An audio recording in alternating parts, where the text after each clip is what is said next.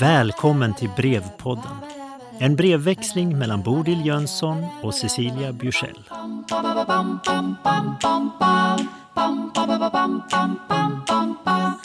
Cecilia, brev 1. Till Bodil Jönsson.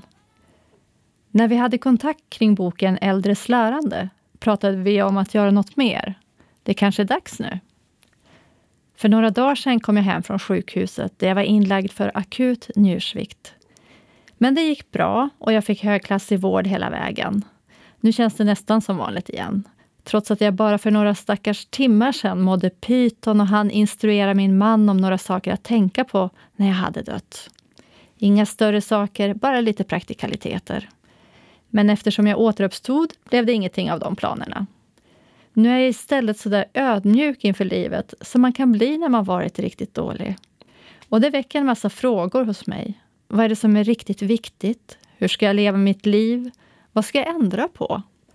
Och det första svaret som dyker upp är de här listorna som jag läst, där äldre personer ger livsråd till kommande generationer. 1. Var snäll mot alla. 2. Ät hälsosamt. 3. Ägna tid åt nära och kära. 4. Använd finporslinet. 5. Och så vidare. Djupt i mitt hjärta vet jag att de har rätt.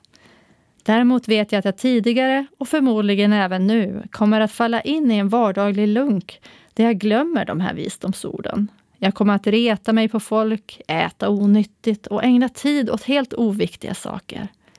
Varför lär jag mig inte från all den visdom som finns? Jag är inte helt olärbar. Men det är som att vissa saker man lär sig fastnar i hjärnan och når inte ända ut i kroppen. Är det så för dig också? Eller fungerar du på ett annat sätt? Med vänliga hälsningar, Cecilia. Bodil, brev 1. Du Cecilia, tack för att du delar med dig. Själv har jag bara varit med om en liknande upplevelse. Det var strax innan vår dotter nummer två föddes. Och akut blev det så svårt för mig så jag bad min man att lova att han säkert skulle ta väl hand om vår förstfödda. Sånt glömmer man ju efteråt. Och jag är osäker på om jag överhuvudtaget har tänkt på det igen förrän ditt brev väckte minnet till liv. Du undrar nu varför du inte känner dig säker på att du utifrån din nyvunna klarsyn har lärt dig att bättre ta vara på livets kärna på ett sätt som får dig att styra om hela din tillvaro. Du är så otålig och du undrar hur jag har gjort och gör. Ja, du, precis som du så har jag förstås resonerat mycket med mig själv om det här genom åren. Fast numera tror jag inte att det främst är intellektuella insikter som fått mig att vartefter bli mer noga med mål och mening. Istället känns det som om vägen mot det avklarnade är något som jag har fått som en gåva vartefter som åren har gått. Det är precis som om Lars Tornstams teori om gerotranscendens inte bara hör hemma i idévärlden utan faktiskt utövat och utövar sin verkan i praktiken. På mig. Jag tror alltså på alla de som har gett dig de livsråd som du listar. Men vill och vågar du lita på att det här kan komma liksom av sig självt också till dig? Ditt brev gav mig en sån lust att hoppa till nästa tankespår och nästa. Men kanske förtjänar det här påbörjade att bollas en vända till. Allt gott, Bodil. Cecilia, brev 2. Tack, Bodil. Du sätter fingret på något mycket viktigt när du frågar om jag vill och vågar låta insikter och förändringar komma av sig själv. Jag vill bejaka det, det låter svenskt. Men det väcker en inre spänning mellan den halva som lutherskt vill arbeta och förtjäna varje vinst och framsteg och den andra halvan som jublar eftersom det innebär en betydande energibesparing och ge utrymme för att med gott samvete slappna av och njuta på färden. Med din fråga antyder du en enkel men grundläggande insikt. Vi kan inte lära oss allt på en gång, inte ens om vi vill. Lärande tar tid. För att travestera en klok person som sa att tankar tar tid. Livslångt lärande innebär inte bara att vi kan eller bör engagera oss i lärande hela livet. Det innebär också att vi kommer att lära oss saker oavsett om vi vill eller inte. Eftersom att leva innebär att lära. Men direkt som den bekväma sidan av mig vill slå sig till ro och vänta in det lärande som komma skall, så knackar den oroliga sidan inom mig på dörren och påminner om att det var inte grisen som byggde ett hus av halm som klarade sig när vargen kom. I teorin om gerotranscendens lyfts det positiva åldrandet fram. Det handlar om att individen lär känna sig själv bättre och får en ökad känsla för sammanhang och mening.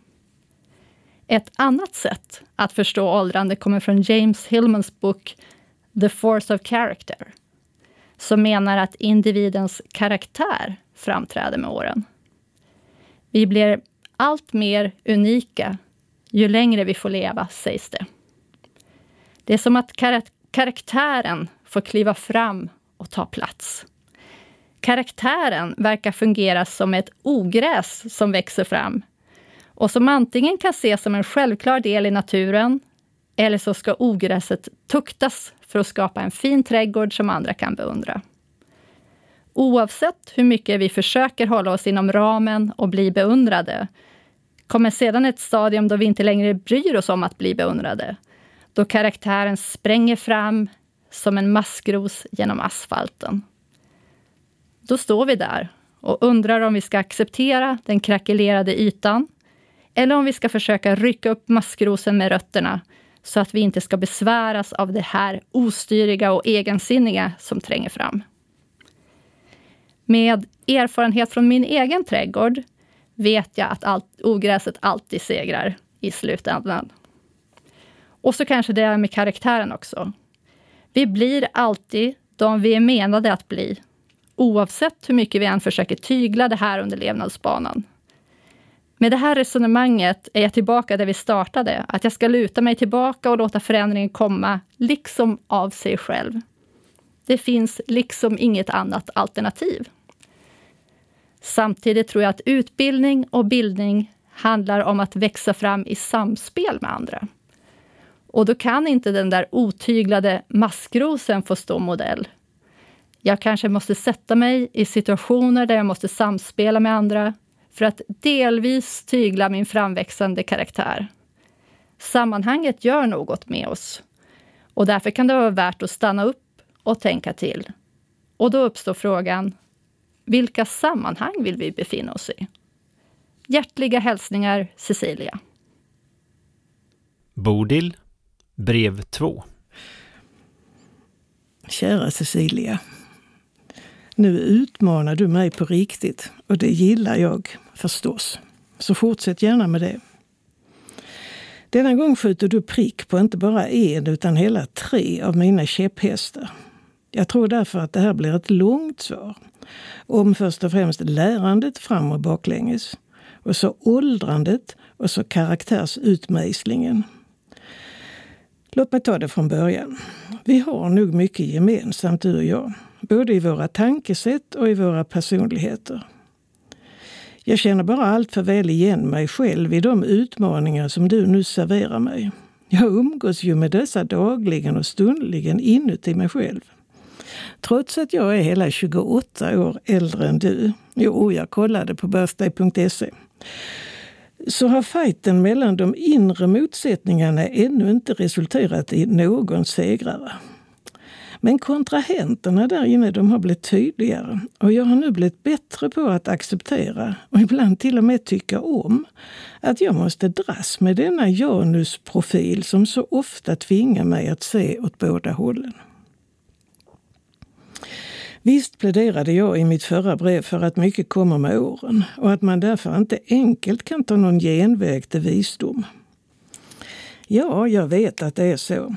Inte bara utifrån det forskningsmässigt baserande utan också genom att studera mig själv under mitt eget åldrande. Tro nu inte att jag därför kunnat eller ens velat lägga av att vara ivrig som en liten terrier när jag fått upp ett tankespår. Tro inte att jag har slutat att vara otålig. Inte kan ett tankespår få vila till nästa år eller nästa eller åtminstone till imorgon bara för att jag vet att det alltför ivriga sällan lönar sig. Till mitt försvar kan jag hävda att det genast fokuserade aldrig är helt förspilt. Dels lättar det på trycket genom att ge utlopp för aktören i mig. Dels bereder det på sitt sätt ofta vägen för sådana lösningar som liksom dyker upp av sig själv långt senare. Som Pasteur säger i det klassiska citatet Chance favors the prepared mind.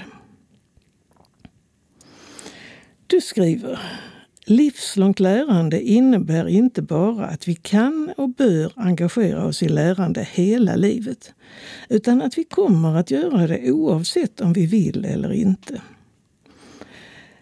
Eftersom att leva innebär att lära, absolut säger jag, så är det rakt upp och ner. Men man får därför inte missa att lärandet med tiden får en annan karaktär. Det blir mer inriktat på helheter, mer på mål och mening och det blir mer känslointegrerat. Och att det kommande lärandet inte bara är ett resultat av det nuvarande utan också en påverkansfaktor av det nuvarande. För som den tidsfilosof som jag är så vill jag passa på att peka på framtidens betydelse för nuet. De egenskaper som kommer till en om ett tag och som man behöver faktiskt först om ett tag, de är med och påverkar ens åldrande också i förskott. Jämför till exempel Mihai Nadins fantastiska treårskombination Aging anticipates age. Det är förresten också han som har sagt “The end is where we start from”. Jag skrev ju lite om detta i vår bok Äldres lärande och jag vet att du som redaktör för den boken redan har läst det här. Men vi har egentligen inte samtalat om det så här Cecilia versus Bodil. Så låt oss göra det då. Jag tror att vi har goda förutsättningar att tillsammans utveckla nya insikter på området. Att ens nuvarande lärande inte bara är en förutsättning för det kommande, utan att det framtida lärandet redan i förskott påverkar det nuvarande. Vi är så ovana vid den sortens tänkande. Detta trots att skeenden utifrån anticipationens omvända förtecken finns runt omkring oss hela tiden. Katten får ju sin vinterpäls redan mot slutet av sommaren. Fostret utvecklar sina andningsorgan redan i livmodern. Knopparna till magnolians vårblommor kring första maj bildades redan året före. Och ibland vet vi inte om våra associationer styrs framifrån eller bakifrån. När jag igår tyckte att det med Moa Martinssons ord blåste blåsipsvind över slätten fick jag under alla omständigheter en direkt föraning om att nu är det dags att börja leta efter blåsippor. Cecilia, jag är uppriktigt nyfiken på hur du tänker kring lärande och anticipation. Nu något helt annat. Om hur karaktären mejslas ut medan vi åldras. Vi föds olika, vi får olika förutsättningar, vi gör olika val och vi lever år efter år olika liv. Såklart att vi som gamla är mer olika varandra än vad vi någonsin har varit tidigare. Och att vi, om vi får leva fullgångna liv, till sist var och en dör som en karikatyr av det egna jaget. Jag inspirerades av Michel Foucault när jag läste hans Subjektets hermeneutik för cirka tio år sedan. I den ger han oss sin läsning av klassikerna och han påvisar hur de inte bara tänkte i termer av gnotis i afton, det vill säga känn dig själv, utan istället såg detta som underordnat epimeleia till afton, the care of oneself. Annorlunda uttryckt. Imperativet känn dig själv förutsätter uppbackningen av ta hand om dig. Vilka självinsikter vi gör beror på vilka former av egenvårdande som vi tar till. För varje ny självinsikt måste ju tas om hand och vårdas för att leda till något. Och varje omhändertagande leder i sin tur till att nya insikter dyker upp. Det här sitter så djupt i mig så att hemma hos mig så hänger det en broderad bonad på vilken det står Tankar når inte långt utan erfarenheter. Det låter ju väldigt ödmjukt och fint. Men så finns det omvändningen.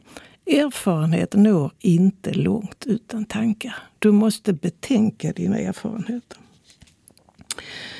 På sidan 108 i den Foucault-utgåva som jag läste står det att egentligen är det inte förrän du blir gammal som du kan utöva the care of the self fullt ut och få dess belöning. Den som ligger i att jaget återvänder till sig själv.